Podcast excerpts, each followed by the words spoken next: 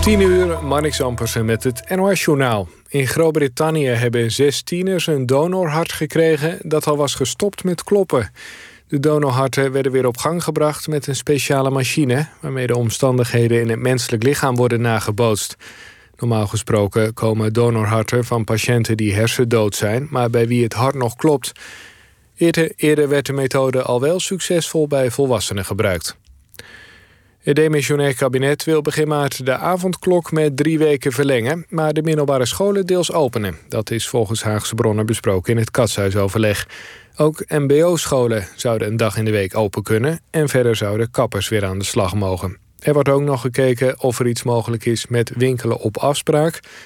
Voor hbo's en universiteiten zijn voor zover bekend nog geen versoepelingen in zicht. De politie heeft in het Vondelpark in Amsterdam een eind gemaakt aan een groot feest. Aan het begin van de avond waren er honderden feestgangers. Er werd gedanst en gezongen en de coronaregels werden niet nageleefd. Het is niet bekend of er mensen zijn aangehouden. In Amsterdam-Noord is het lichaam gevonden van de vrouw... die afgelopen nacht in een auto in het water belandde. Duikers waren de hele dag naar haar op zoek. Ook werd sonarapparatuur ingezet. De vrouw zat met haar drie kinderen in een auto met Duits kenteken. De kinderen konden zichzelf bevrijden.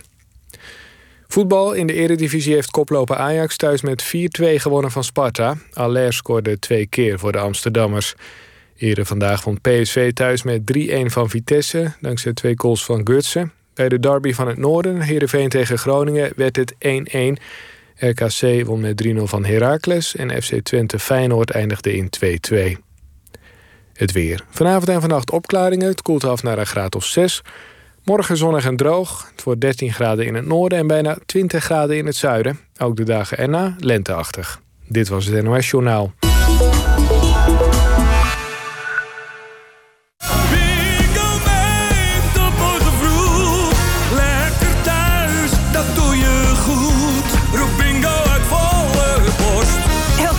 gaat er gegarandeerd 100.000 euro uit. Ga voor jouw gratis bingo kaarten naar vriendenloterij.nl. 18 plus, speel bewust. Tijdelijke opslagruimte nodig? Dan kies je voor Qbox. Qbox zet een opslagbox bij je voor de deur... en haalt hem weer op als jij je spullen hebt ingeladen. Wij slaan de box veilig op en brengen hem weer terug... waar en wanneer jij hem nodig hebt. Verrassend makkelijk en voordelig. Ga naar qbox.nl en reserveer jouw Qbox. Dan staat hij snel voor je deur. Qbox.nl De nieuwe oplaadbare hoortoestellen van Specsavers. Zonder batterijen. Zo spaart u zowel uw portemonnee als het milieu. En u laat ze eenvoudig weer op.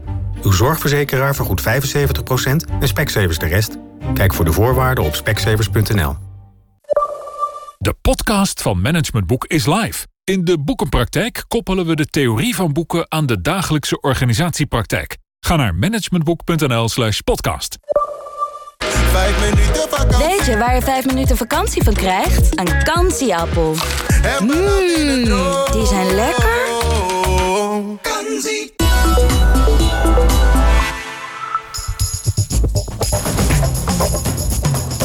NOS, NOS, NOS Radio 1.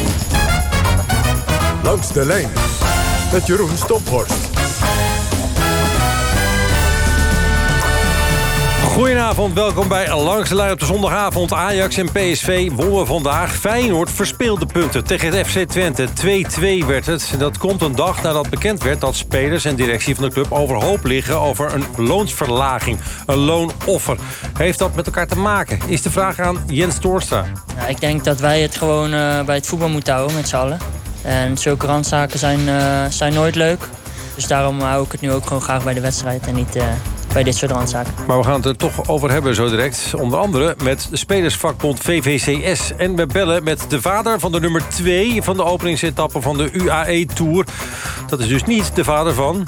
Mathieu van der Poel. Hij zou gaan werken voor zijn ploeggenoten.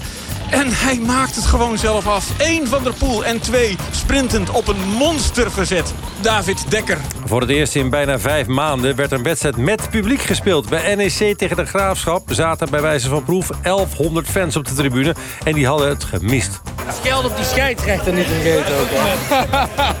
ik hoor je flink gescheld af en toe. In de... Ja, ik denk dat er wat frustratie van zes maanden binnen zitten ook eruit komt. Hè. Allemaal tot 11 uur in langs de lijn. Maar eerst naar die voetbalwedstrijd die nog moest worden gespeeld. Ja, om acht uur, dus nog steeds even wennen. Maar Ajax tegen Sparta werd op die tijd afgetrapt. Is dus zo'n tien minuten geleden afgelopen. En uh, Ajax won. Werd 4-2 in de Johan Cruijff Arena. Arman Afsrooglu was daarbij namens de NOS. Goedenavond Arman. Hallo Jeroen. Opvallende uitslag toch wel uiteindelijk 4-2. Want ik zag heel veel kansen en ook best wel wat doelpunten. Ja, Ajax was gewoon goed. Vandaag eigenlijk toch weer. Ondanks een opstelling die uh, door elkaar was gehusseld. Kudus speelde bijvoorbeeld uh, voor het eerst weer sinds een rentree. Na een hele lange blessure. Zijn eerste basisplek sinds eind oktober. Uh, Haller natuurlijk terug. In vergelijking met die wedstrijd in de Europa League waarin hij niet mag spelen. Taliafico ontbrak geblesseerd. En voor hem speelde Schuurs. Dus er was wel het nodige veranderd bij Ajax. Maar desondanks blijft Ajax gewoon heel goed voetballen. Ook vandaag weer goede eerste helft. Vol prima aanvallen en vol goals ook. Haller met de 1-0.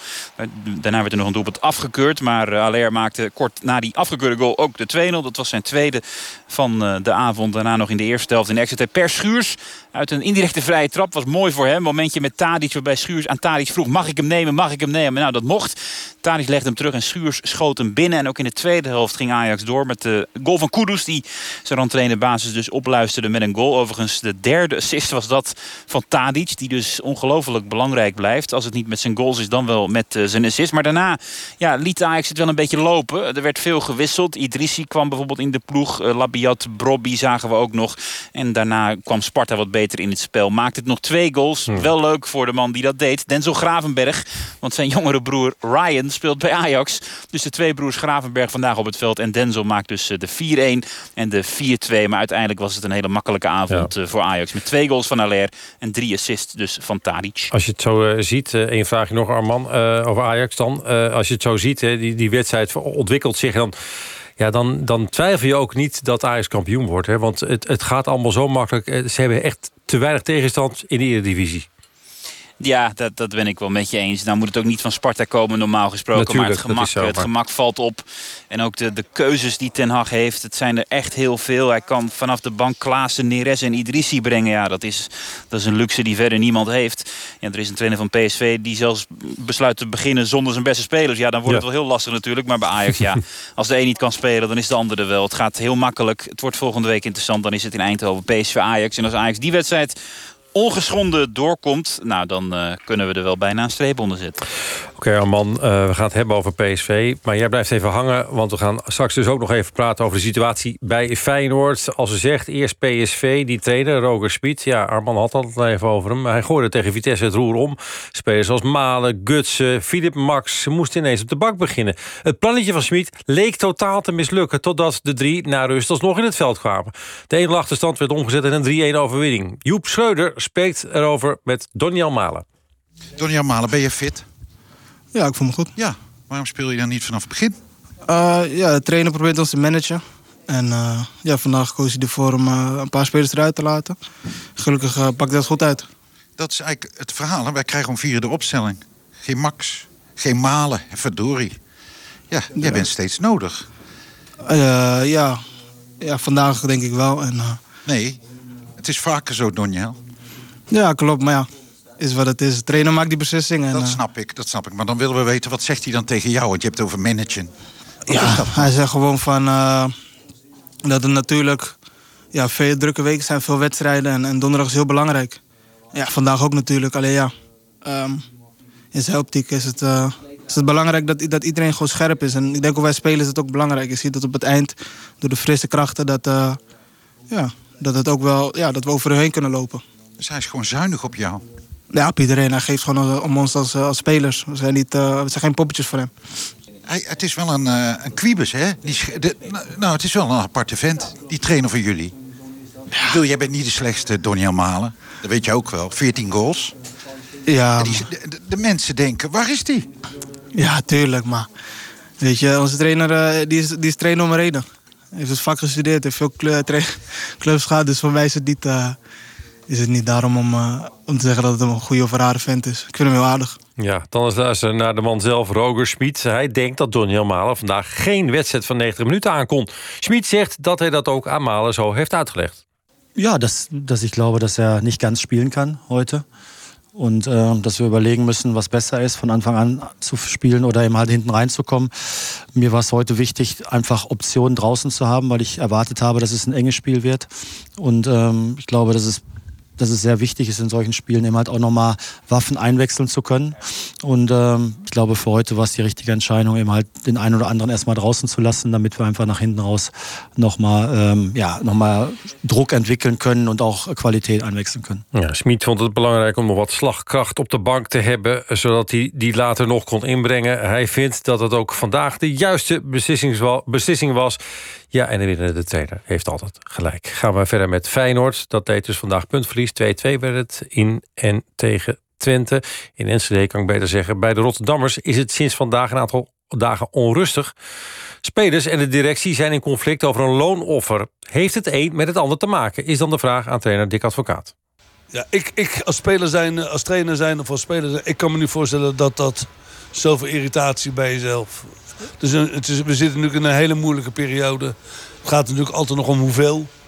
Maar ja, we moeten gewoon morgen daarover praten. En, en, en vragen of dat, uh, of dat een probleem is bij die, bij, die, bij die groep. En dan moet het opgelost worden. Linksaf of rechtsaf. Ja, allemaal als ze ook doen. Je bent er nog, hè? Ja. Onze Feyenoord-watcher. Wat is er allemaal aan de hand daar in Rotterdam-Zuid? Nou ja, ze hebben gewoon enorme problemen. Veroorzaakt natuurlijk door de coronacrisis. Maar de problemen zijn bij Feyenoord net iets dieper dan bij eh, veel andere clubs. Het heeft er mede mee te maken dat ze wat ambitieus begroot hebben. Zij hebben aan het begin van het seizoen gezegd... wij gaan ervan uit dat er in januari weer wedstrijden met publiek worden gespeeld. Nou ja, dat was onverstandig. Die uh, conclusie kan je nu wel trekken. Want aangezien ze dat hebben gedaan... Ja, stroomt er nu ongelooflijk veel geld uit. En uh, klopt de begroting gewoon niet meer. Uh, per gemiste per thuiswedstrijd zonder supporters lopen zijn 9 ton mis. Ja, dat zijn enorme bedragen en de problemen stapelen zich op. Ze moeten iets. Ze hebben al gesprekken met het personeel gehad. Daar zijn er ook al salarisverlagingen geweest. Vrije dagen zijn ingeleverd, bonussen ingetrokken. Ja, dat, dat kan je allemaal niet doen als je de spelers spaart, en dus is eh, het aan die spelers medegedeeld... een dag na de bekeruitschakeling, dat zij opnieuw... want het is over de tweede keer, geld moeten inleveren. Ja, en de spelers die zien dat niet zitten, waarom niet? Nou ja, dat is, dat is, tweeledig. Ten eerste is het nooit leuk als je geld moet inleveren. En nou ja, we kunnen er uh, lang of kort over praten. Maar voetballers die verdienen verschrikkelijk veel geld. En die vinden dat ze dat ook verdienen. Die vinden dat ze daar recht op hebben. En als er dan directie naar hen toe komt en zegt... Uh, jullie moeten inleveren. Nou ja, een eerste keer accepteer je dat nog, blijkbaar. Maar een tweede keer dus niet meer. Het steekt de Feyenoord-spelers ook... dat het bij veel andere clubs niet voor een tweede keer aan hen is gevraagd. Alhoewel dit geen vraag was, maar meer een mededeling. Ja, ze kijken bijvoorbeeld naar Ajax waar de spelers niet hoeven in te leveren. En dat steekt die spelers van Feyenoord natuurlijk wel. Dat maakt het allemaal een stukje lastiger. Maar ja, de directie van Feyenoord meent dat het in zijn recht staat... door te zeggen, het is noodzakelijk voor de, voor de continuïteit van dit bedrijf... dat jullie een loonoffer maken. Het, was echt geen verzoek, het was gewoon dit gaan we doen. Nu mhm. weten jullie het en verder, uh, ja, verder niks. Ja, spelen ook geen Champions League. Er komt wat minder geld binnen natuurlijk in, eh, in, in Rotterdam. Dus dan is dat wel te begrijpen. Maar staan ze eigenlijk in hun recht? Nou, dat, dat, dat heb ik ook, vraag ik me ook af. Maar daar, daar, daar zijn de geleerden het nog niet helemaal over eens. Of je als bedrijf dit zomaar kan doen. Of dat zomaar eenzijdig opgelegd kan worden. Ja, dat wordt de komende dagen en weken uitgezocht. En dat moet dan maar blijken. Ja, het feit is wel dat het wel duidelijk is dat de spelers het er echt niet mee eens zijn. En er lijkt het op dat die spelers dus ook wel willen uitzoeken of dit inderdaad zomaar kan. Nou, gaan wij ook eventjes doen, uh, want we gaan praten met uh, Louis Everhard uh, van de Spelersvakbond VVCS. Armand, dankjewel voor dit moment. meneer Everhard, goedenavond. Goedenavond. Ja, ja, weet u dat? Mag dat? Mag de directie dat zomaar opleggen aan die spelers? Een, een loonoffer, een tweede loonoffer zelfs? Ja, weet je, het is precies wat je zegt. Het is een tweede offer, want je moet een klein stapje terug gaan. Kijk, allereerst vinden wij het als VVC ook heel betreurenswaardig... dat een situatie als deze is ontstaan. Die is maar bij één club ontstaan. En dat is natuurlijk toch een uitvloeisel van het uh, sociaal akkoord slash eh, corona-akkoord... Uh, wat wij eigenlijk medio mei hebben gesloten samen als spelersvertegenwoordigers met de FBO.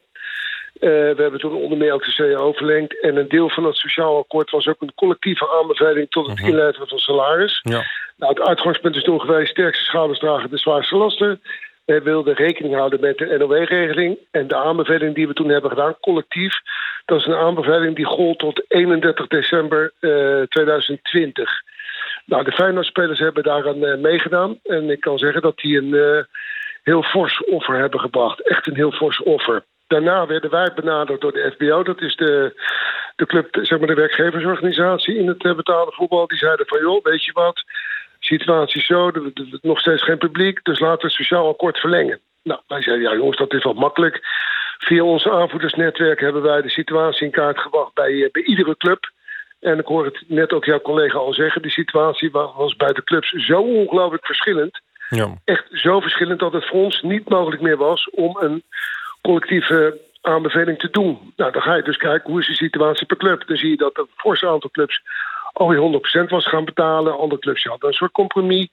En de clubs die, die, die zeg maar uh, op dat moment nog een soort open situatie hadden... ja, dan is de kwestie van dan ga je met elkaar in overleg.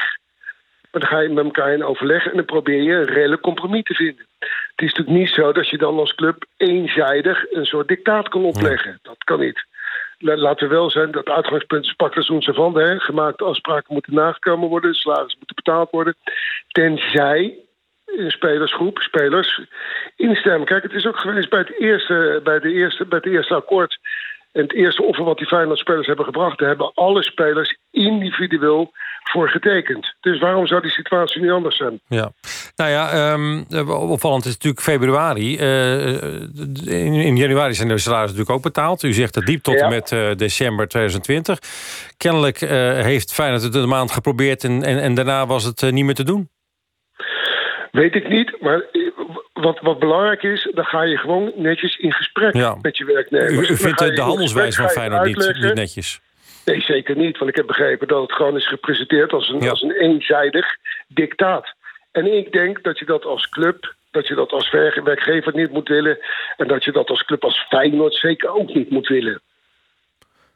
Lijkt mij een totaal verkeerde handelwijze. Ja, Um, nog even, u zei uh, Feyenoord heeft een, een, een forse uh, loonoffer. Hè? De, de, de spelers hebben een fors loonoffer gebracht in eerste instantie. Zeker. Je hebt het dan over een, een kwart of zoiets? Hoe, hoeveel is dat dan? Nee, ik ga, ik ga niet over uh, bedragen of prestaties praten. Ik, ik, ik zeg dat de spelers een heel fors salarisoffer hebben gebracht. En dat kun je van mij aannemen, dat is een voldongen feit.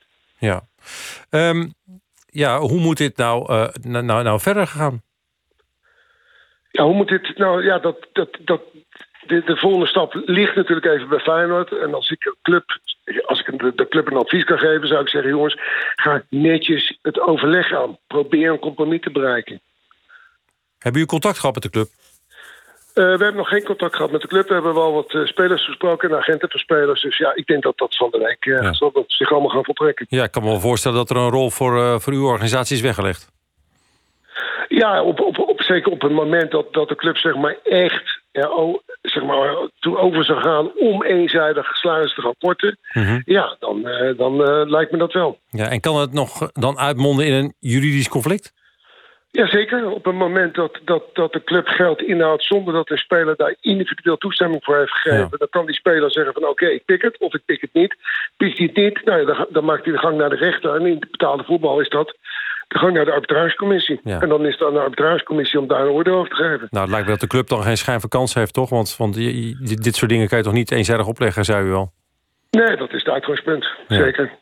Um, het is natuurlijk wel zo, Feyenoord uh, staat kennelijk het water aan de lippen en misschien wel eroverheen. Uh, het kan natuurlijk zijn dat ze echt geen enkele keus hebben nu in, in deze situatie. Ja, maar dan nogmaals, dan ga je het gesprek aan en probeer je daar je werknemers van te overtuigen en probeer een compromis te bereiken. En lukt dat? Ja of nee? Maar je gaat dat niet als een eenzijdig dictaat neerleggen en vervolgens gewoon salaris inhouden. Dat, dat zijn dingen die doe je niet. Um, dit is uh, de situatie in Rotterdam-Zuid bij Feyenoord. Maar wat denkt u, gaan we vaker dergelijke conflicten zien... tussen spelers en directies nee, nee, in de komende weken? Precies, nee, nee, nee, nee. Wat is precies wat ik je net zeg. Wij hebben een inventarisatie gedaan via ons aanvoerdersnetwerk... Ja. Bij alle clubs. En daarom zeg ik dat het is buitengewoon betreurenswaardig... dat die situatie bij Feyenoord is ontstaan. Maar het is de enige club waar dit speelt op dit moment. Oké, okay, de enige club die dus kennelijk zo in de problemen zit... dat ze dit soort uh, maatregelen Nee, nemen. dat zeg ik niet. Maar het is de enige club waar... Die het op deze manier doet. Juist, waar, waar dus club en spelers ja. niet tot een akkoord zijn gekomen. Helder. In redelijkheid. We gaan het zien de komende week. Ik wens u veel succes als u nog daarbij betrokken raakt in ieder geval. Ja, voor nu bedankt voor uw uh, toelichting, meneer Everhard. Louis Everhard. Oké, okay, dankjewel. Graag, uh, u bedankt, ja. directeur van de Spelersvakbond VVCS.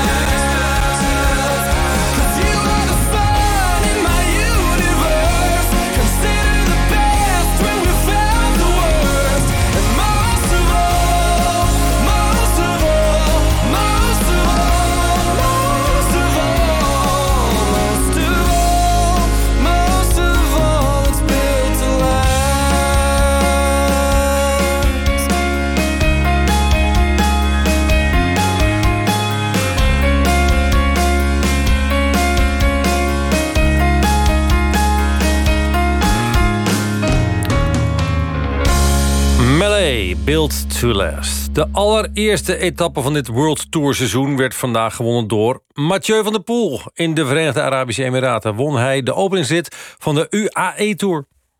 Ja, heel onverwacht voor mij ook. Uh, het was heel winderig en het was uh, van in het begin eigenlijk al waaiers. Het is dan toch even terug samengekomen. En dan na de eerste tussensprint brak het opnieuw en uh, zat ik nog net mee, want ik moest eigenlijk van iets te ver komen. En ik voelde, eigenlijk, ik voelde mezelf eigenlijk vrij goed de hele dag. En, uh, toen in de finale heb ik wel meteen op die sprint gegokt. Um, ja, en dan wist ik dat ik in de sprint gewoon mijn eigen ding moest doen. Ja, en dat ging dus goed. Overwinning voor Mathieu van der Poel. Maar het verhaal wordt bijzonderder. Want achter Van der Poel werd David Dekker tweede.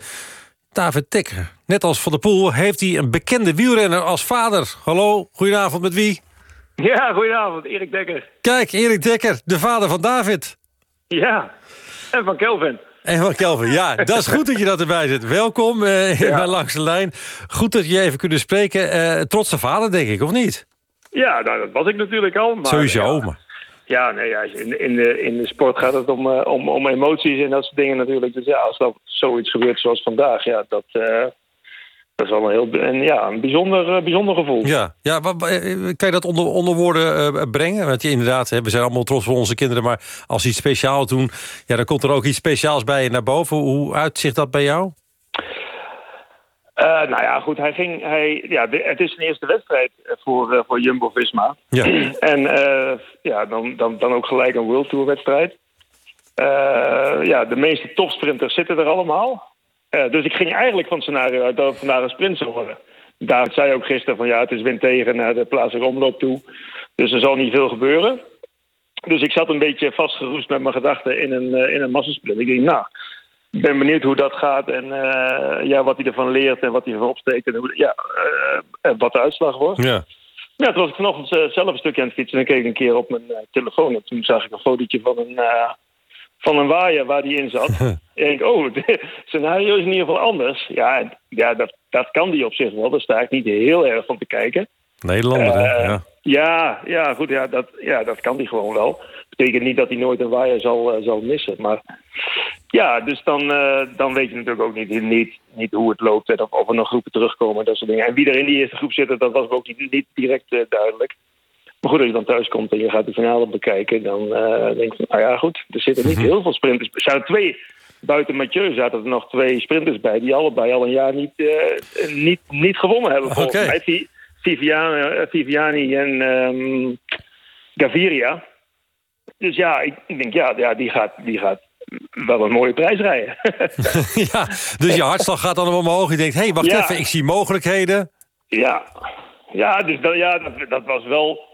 Dat waren wel spannende ja, anderhalf uur, denk ik. Ja. Eh, ja, dan, dan dacht ik ook wel, wel, wel op een gegeven moment... Goh, als dat zo 60 keer per jaar is, dan, eh, wordt, het, wordt het een zwaar jaar. Eh, goed, ik hoop dat het zo is. Maar ja, ja, eenmaal in, in die finale denk ik... Ja, ja, die gaat wel een korte prijs rijden. Maar Ja. ik weet niet hoe fris die is. En dat zie je vaak aan of iemand echt sprintend kan... of staan, staand kan sprinten of niet. Nou, dat kon hij niet helemaal. Ja, Mathieu die kon het wel natuurlijk. En eh, ja, Mathieu die, Ja. ja. die is natuurlijk supersnel ook. eh, maar zeker na zo'n koers waar iedereen to- toch wel een jasje heeft uitgedaan. Wordt gewoon tweede. Hartstikke mooi natuurlijk. Ja, ja super vet. Ik ben, ja, dit is, dat had ik gisteravond niet, eh, niet durven inschatten. Nee. Maar ja, ja, de hele middag toch een beetje aan kunnen wennen. En dan denk ik van, nou ja, heel veel reacties natuurlijk. Ja. Hij zelf ook, maar ik zelf ook natuurlijk. Ik Telefoon stond over. met nationale radio, dus ja. Ja. zeg, eh, eh, als vader, hè, ehm, eh, vind je het dan extra spannend om te zien... hoe je zoon nou terechtkomt in dat wielrennen? Je kent dat prof métier natuurlijk als geen ander. Je hebt er jarenlang zelf rondgereden. Je weet hoe het werkt. Ehm, ja, is het dan spannend voor jou om te zien of hij het gaat redden? Of hij goed ja, terechtkomt? Niet, niet, niet, niet letterlijk op, de, op, op één dag natuurlijk. Nee, maar even in het in algemeen. In het algemeen wel, ja, zeker. Ja. Ja. hij, komt natuurlijk, hij komt natuurlijk bij het, Re- het Real Madrid van, van, van het wielrennen, bij Ja. Jumbo-Visma. Dat, dat is al heel bijzonder.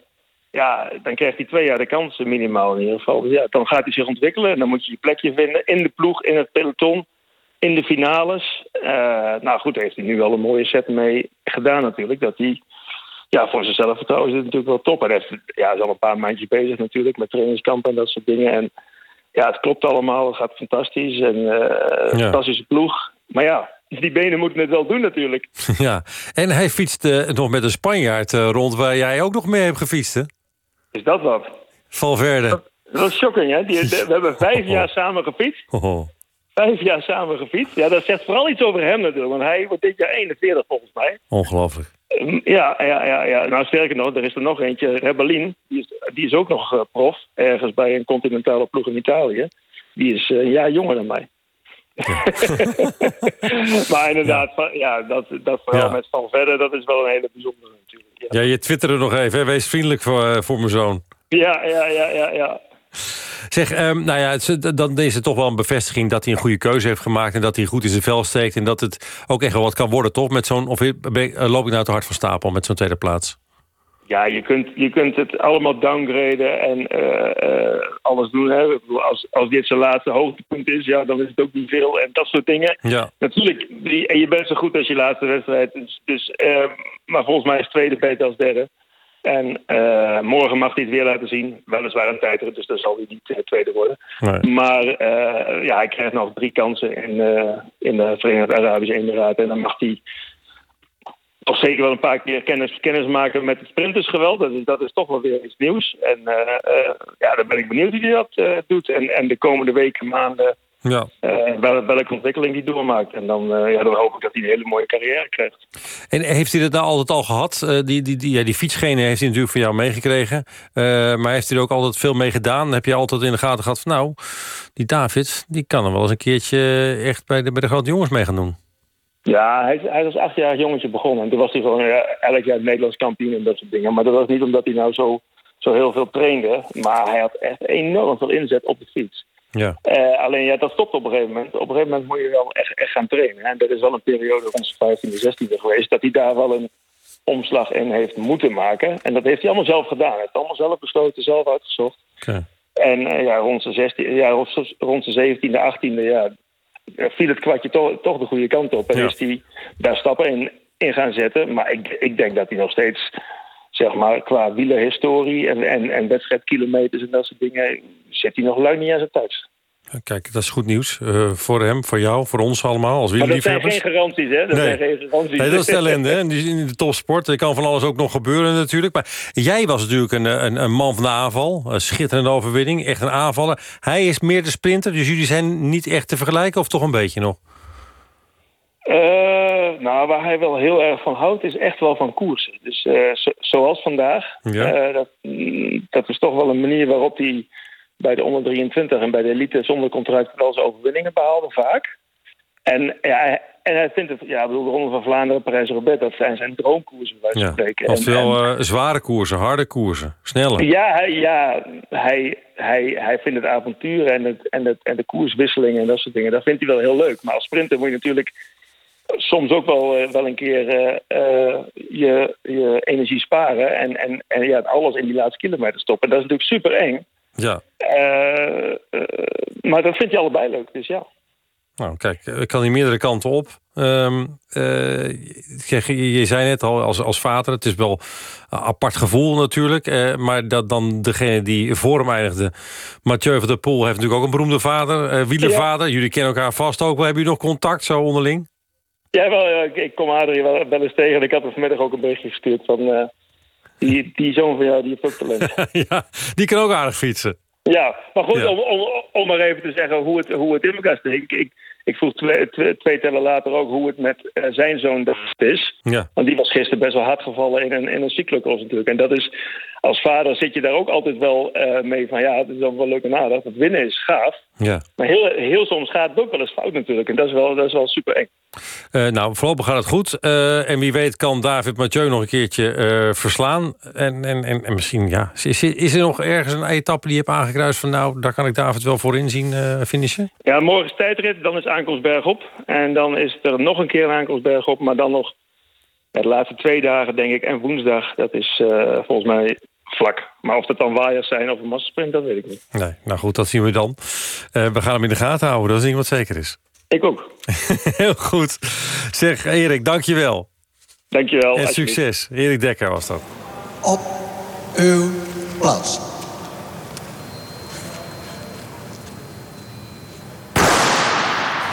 Maar liefst acht Nederlandse atleten hebben zich op de 800 meter de, eh, geplaatst... voor de Europese kampioenschappen indoor. Althans, de limiet gelopen. Maar er zijn maar drie startplaatsen te verdelen. Ongekende luxe voor de atletiekunie die vroeger blij was met elke deelnemer. Maar hoe is die enorme opmars te verklaren? Floris van Hoorn zocht het antwoord bij de Nederlandse kampioenschappen in Apeldoorn. Geet Koens, bondscoach van de 800 meter onder andere. Al die mannen die naar eh, de EK kunnen omdat die de limiet hebben gelopen. Hoe kijk je naar die ontwikkeling? Waar komt die explosie vandaan? Ja, een echte verklaring. Ja, ik zelf zoek het een beetje in, uh, toch een beetje ook in, uh, in, in de, de, tijden zoals ze nu zijn. corona, weinig wedstrijden. Atleten kunnen meer trainen. Normaal hebben ze de neiging om in te houden op het moment dat ze wedstrijden lopen. Dus ze, ze, ze kunnen meer trainen. Wordt meer op, op duur wellicht getraind. dus die schaarste is er. Er zijn geen feestjes meer. De avondklok is er, dus we kunnen vroeg naar bed. Dus eigenlijk is het een ideaal topsportklimaat zoals het nu is. 46 meter. Tijmen Kupers, ervaren atleet, loopt al jaren op toernooien mee. Ook jij hebt die limiet gelopen voor de 800 meter. Dus zie je in één keer allemaal concurrentie opkomen. Hoe verklaar je dat? Deels is het niveau in Nederland gewoon uh, echt gegroeid. Dat zag je eigenlijk uh, de afgelopen jaren een beetje gebeuren. Dat het langzamerhand steeds uh, meer onder de 1,50 kroop.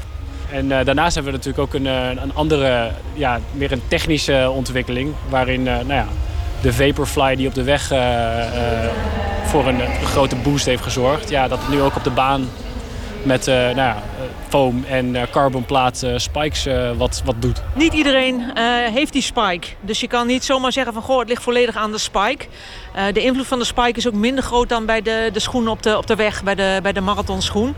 Het is ook heel erg afhankelijk van het type lopen wat je bent of je, hoeveel profijt je ervan hebt. Er zal iets meespelen, maar ik denk niet zo spectaculair als op de, op de weg. Jij bent een, met alle respect atleet op wat leeftijd, zullen we zeggen. Je bent nog geen 30, maar toch. Je hebt ervaring, je kent je lichaam, ja. je hebt blessures gehad. Ja. Dus jij zou als geen ander moeten weten wat het effect is van deze nieuwe schoen nou ja, ik op merk jouw lichaam. Ik merk gewoon vooral dat ik het laatste stuk uh, er een, uh, nou ja, makkelijker op doorloop. Dus uh, eigenlijk waar je normaal stil gaat vallen, daar heb je nu wat, wat meer boost naar voren. Het voelt eigenlijk als, ik heb in 2017 heb ik FWK Games gelopen. En daar hield ik mijn voetspanning de laatste 100 meter, ja, het, het klopt op dat moment gewoon. En eigenlijk dat is wat de Spike doet zonder dat je dus uh, misschien in topvorm hoeft te zijn. Dus je kunt daardoor ook misschien iets harder starten. Waardoor je nou ja, toch net even wat meer doorheen zakt.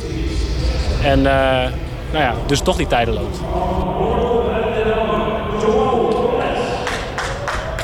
Joao Lobles. Ik denk dat je voor de meeste mensen best wel een beetje uit de lucht komt vallen. Ik uh, ben voor de meesten ben ik wel onbekend. Maar uh, ik ben uh, de aantal aan, uh, aankomende jaren in de jeugd wel opgegroeid naar een, naar een senior. En het was wel... ja, ik kom op het juiste moment kom ik gewoon omhoog. We horen nu het startschot voor de 800 meter. Laatste wedstrijd outdoor kwam ik al met 1,45. Dat was al een enorme stap van mijn PR af. Want toen liep ik het begin van het seizoen 1,48. Ik had gewoon 3 seconden PR.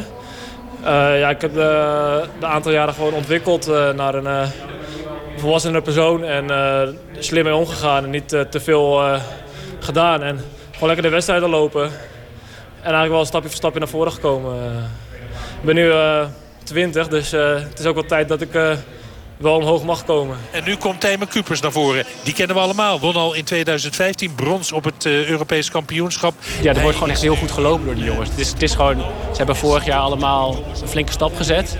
Dat ze nu nog weer een stapje zetten is eigenlijk ook te verwachten. En de meesten hebben ook de limieten gelopen zonder de nieuwe spikes. Nu lopen ze er wel op. Maar in eerste instantie hebben ze het zonder, uh, zonder hulpmiddelen, om het maar zo te zeggen, gedaan. Lobles die loopt onwaarschijnlijk hard weg bij alles en iedereen. En dit is een afstand door de 800 meter. IJzersterk bezet. Maar Joao Lobles komt over de finish in een tijd van ho, 1.46, 61. Op wat voor schoenen ben jij uh, kampioen geworden? Zijn dit de nieuwe of de oude spikes? Dit zijn de nieuwe, ja. Is dat een zo'n groot verschil? Daar is discussie over, hè? Er is discussie over, maar uh, ik uh, ga deze discussie niet voeren.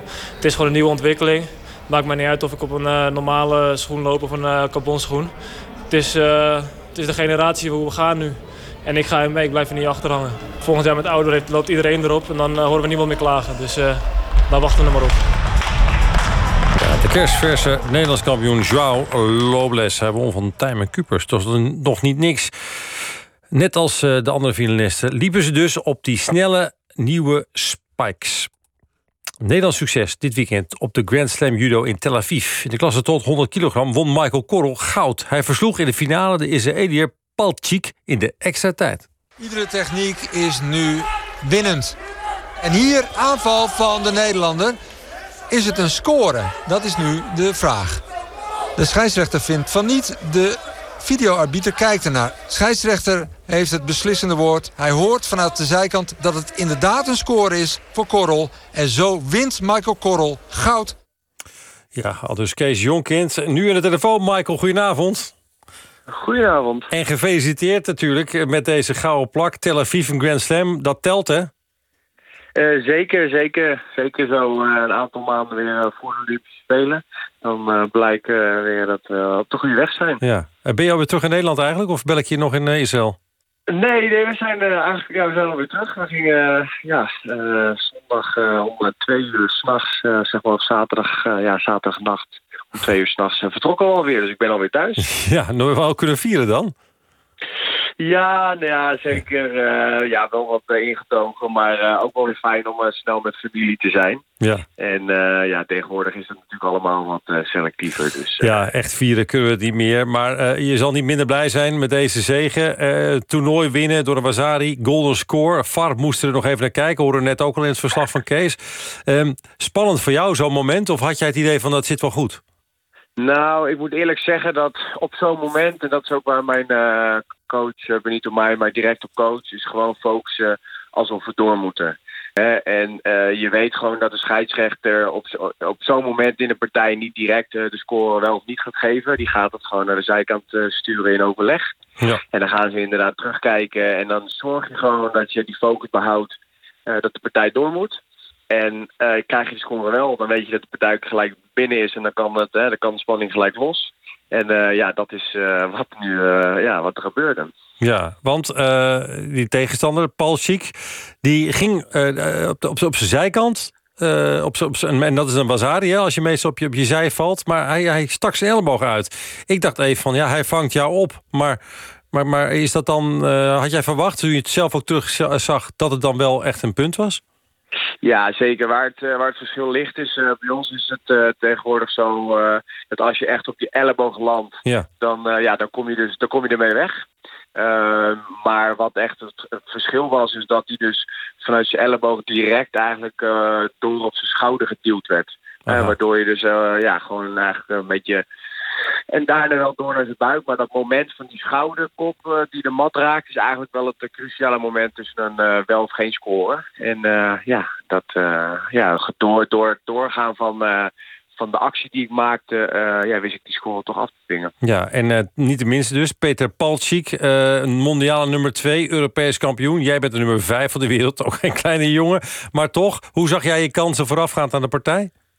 Nou ja, het is een, uh, een, een, select groepje van een, uh, ja, van een aantal uh, vier, vijf in de top die ja. tegen elkaar vaak strijden om de medailles. ja, Peter Paltjik is een jongen die er vaak de laatste periode echt wel goed in zit. Zoals je zei, ook Europees kampioen werd.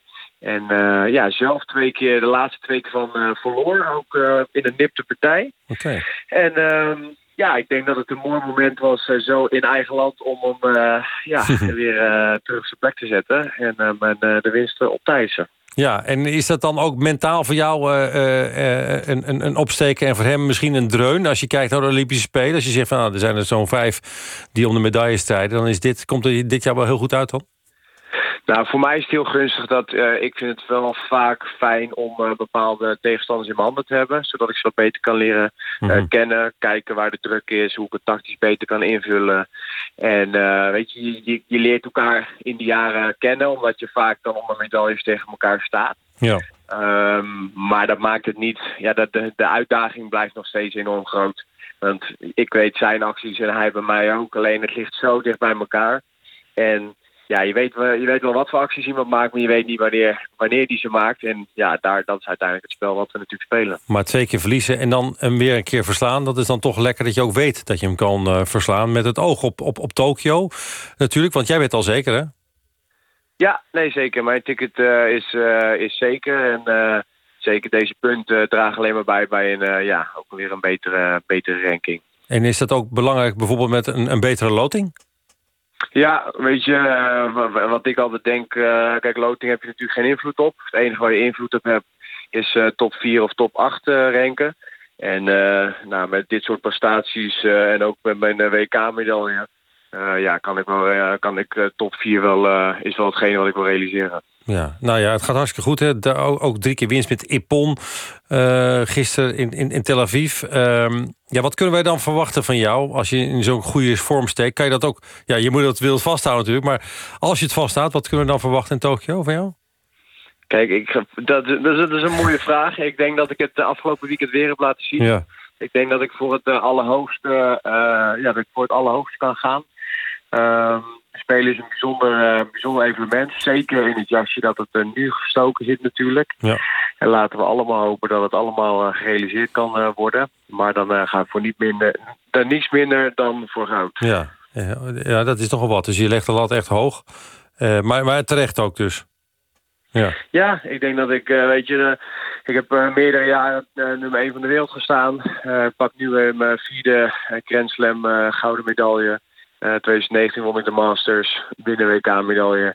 Weet je, als je dan zo in de top meedraait, dan eh, kan je gewoon eh, voor goud gaan. En eh, dat is ook waar ik Ja. over ga. En hoe ziet dat traject er dan uit? eh, richting eh, augustus, eind juli, augustus?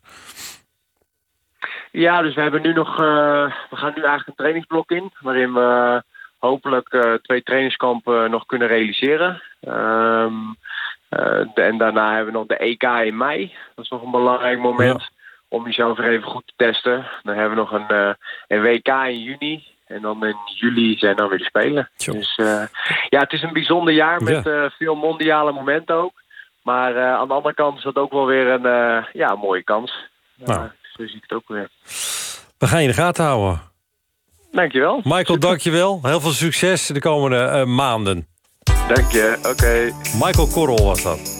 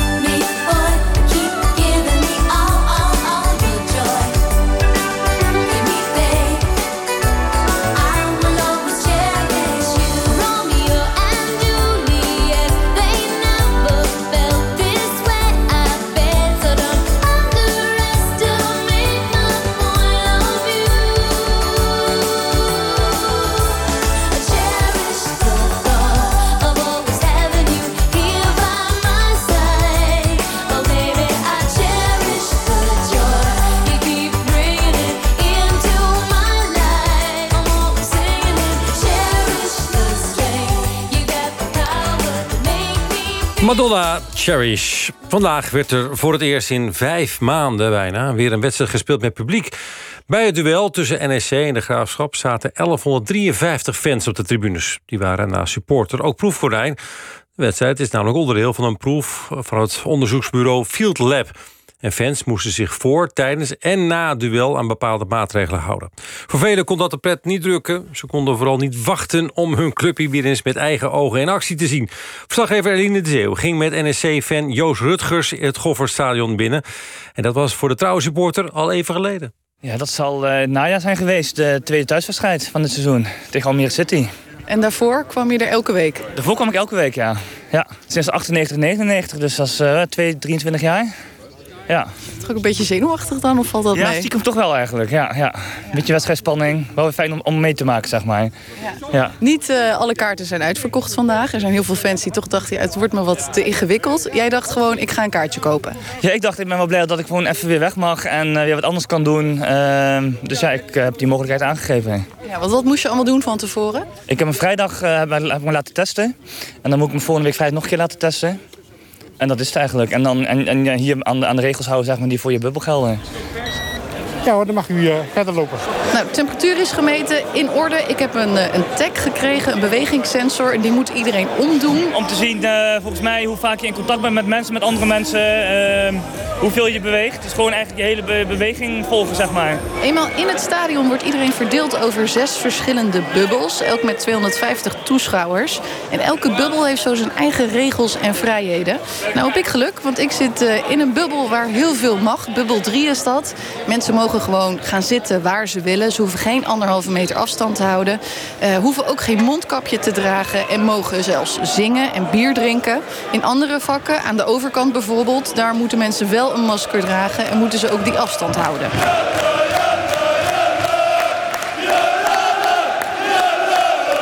Te genieten, zeker. Wel fijn om weer lekker zo voetbal te kunnen kijken. Ook het sociale gebeuren vind ik gewoon heel leuk. Dat je, hè, de, dat je met, met een groep mensen ehm, elke twee weken wedstrijd gaat kijken, biertje drinkt, eh, even bijkletsen. Dat vind ik ook gewoon belangrijk en leuk. En dat is ook heel fijn dat het nu vandaag weer kan.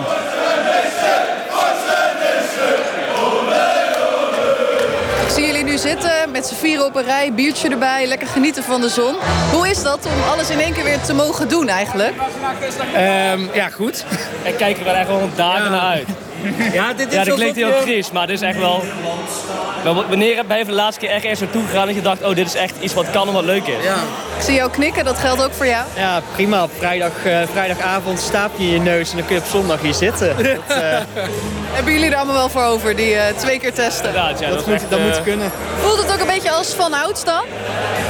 Nou, nou, niet helemaal. Want het stadion is natuurlijk wel behoorlijk leeg. Ja, dat is wel jammer. Maar het wel een beetje, dat klein beetje, dat gevoel komt wel terug, ja. En die sfeer die je proeft, hè, de, dat geschreeuw en dat gezang, ja, dat uh, voelt wel wel goed, ja. ja. Scheld op die scheidsrechter niet te vergeten ook. hè. Ja, ik hoor je flink gescheld af en toe in de... Ja, er wordt wat afgescholden. Ik denk dat er wat frustratie van zes maanden binnen zitten ook eruit komt eh, bij sommigen. En het valt op dat mensen snel weer in hun oude gedragspatronen vallen. Fans zoeken elkaar echt op. Eh, De shirts gaan uit, de blote basten zijn te zien. Er wordt luid gezongen, bier gedronken.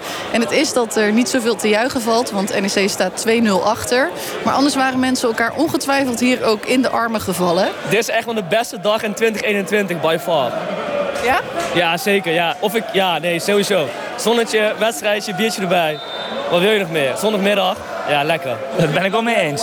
Ja, tot nu toe zeker. Ja, ja wat moet ik er meer over zeggen? Ik bedoel, eh, je bent bij je favoriete club met je vrienden. Heerlijk toch?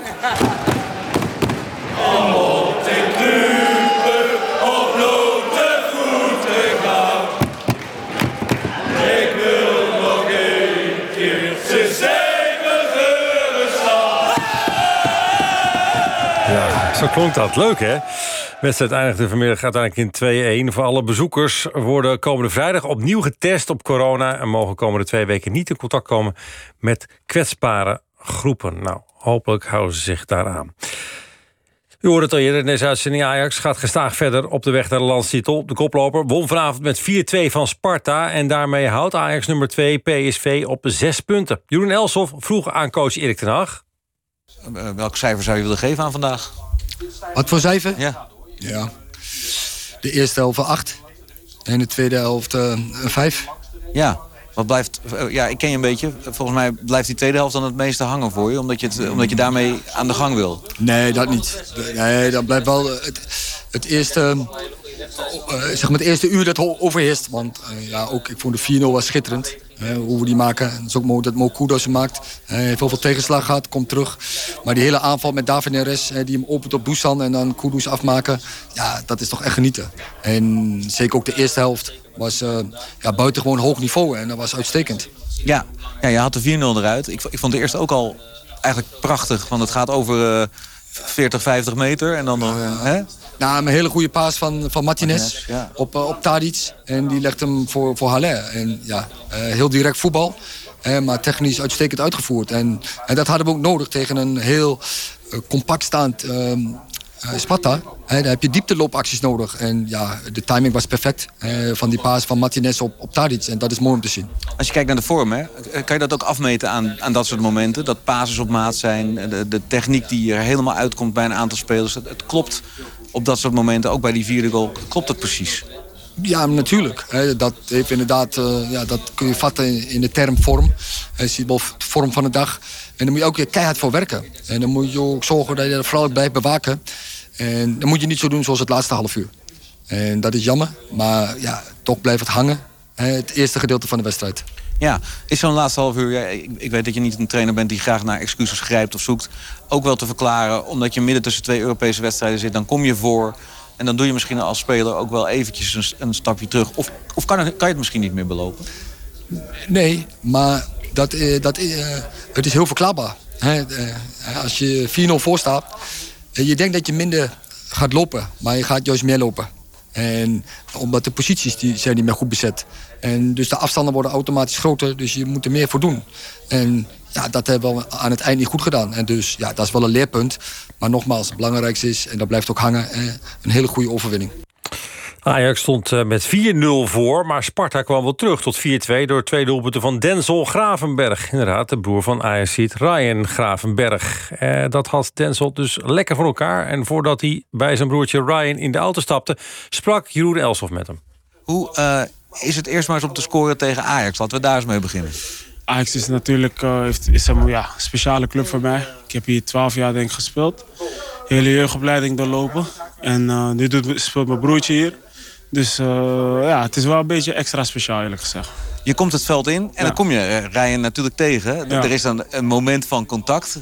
Wat zeggen jullie tegen elkaar? En heb je in de aanloop naar deze wedstrijd al een beetje met elkaar contact of niet? Ja, we hebben, we hebben dagelijks contact, elke dag. Eh, ik zei toen ik eh, aan de zijkant stond van ik ga wel proberen te scoren dat je het weet.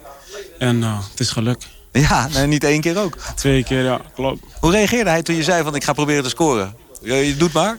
Hij zei ja, maar jullie moeten wel meer scoren, want we stonden 3-0 achter op dat moment.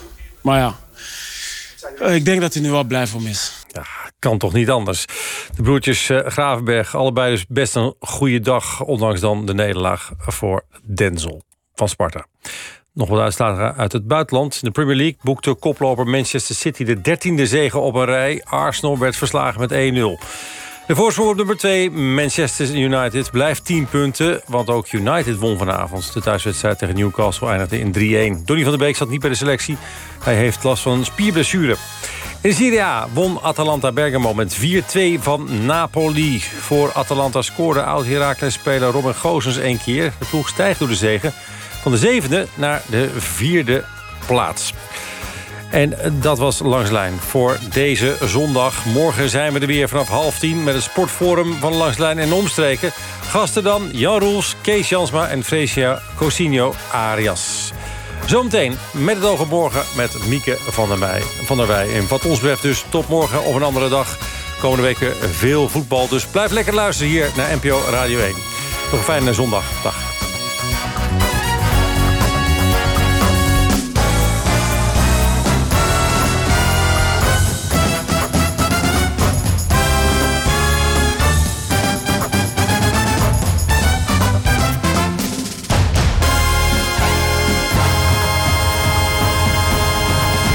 Was in sowieso echt een rotweek voor het kabinet. NPO Radio 1 Podcast. podcast. Bent u opgelicht, meneer Rutte? Nee, ik ben eh, nooit opgelucht in, geweest in de afgelopen 11,5 maand. De stemming van Vullings en Van der Wulp. Wat, wat voor emoties heeft die man dan? Geen.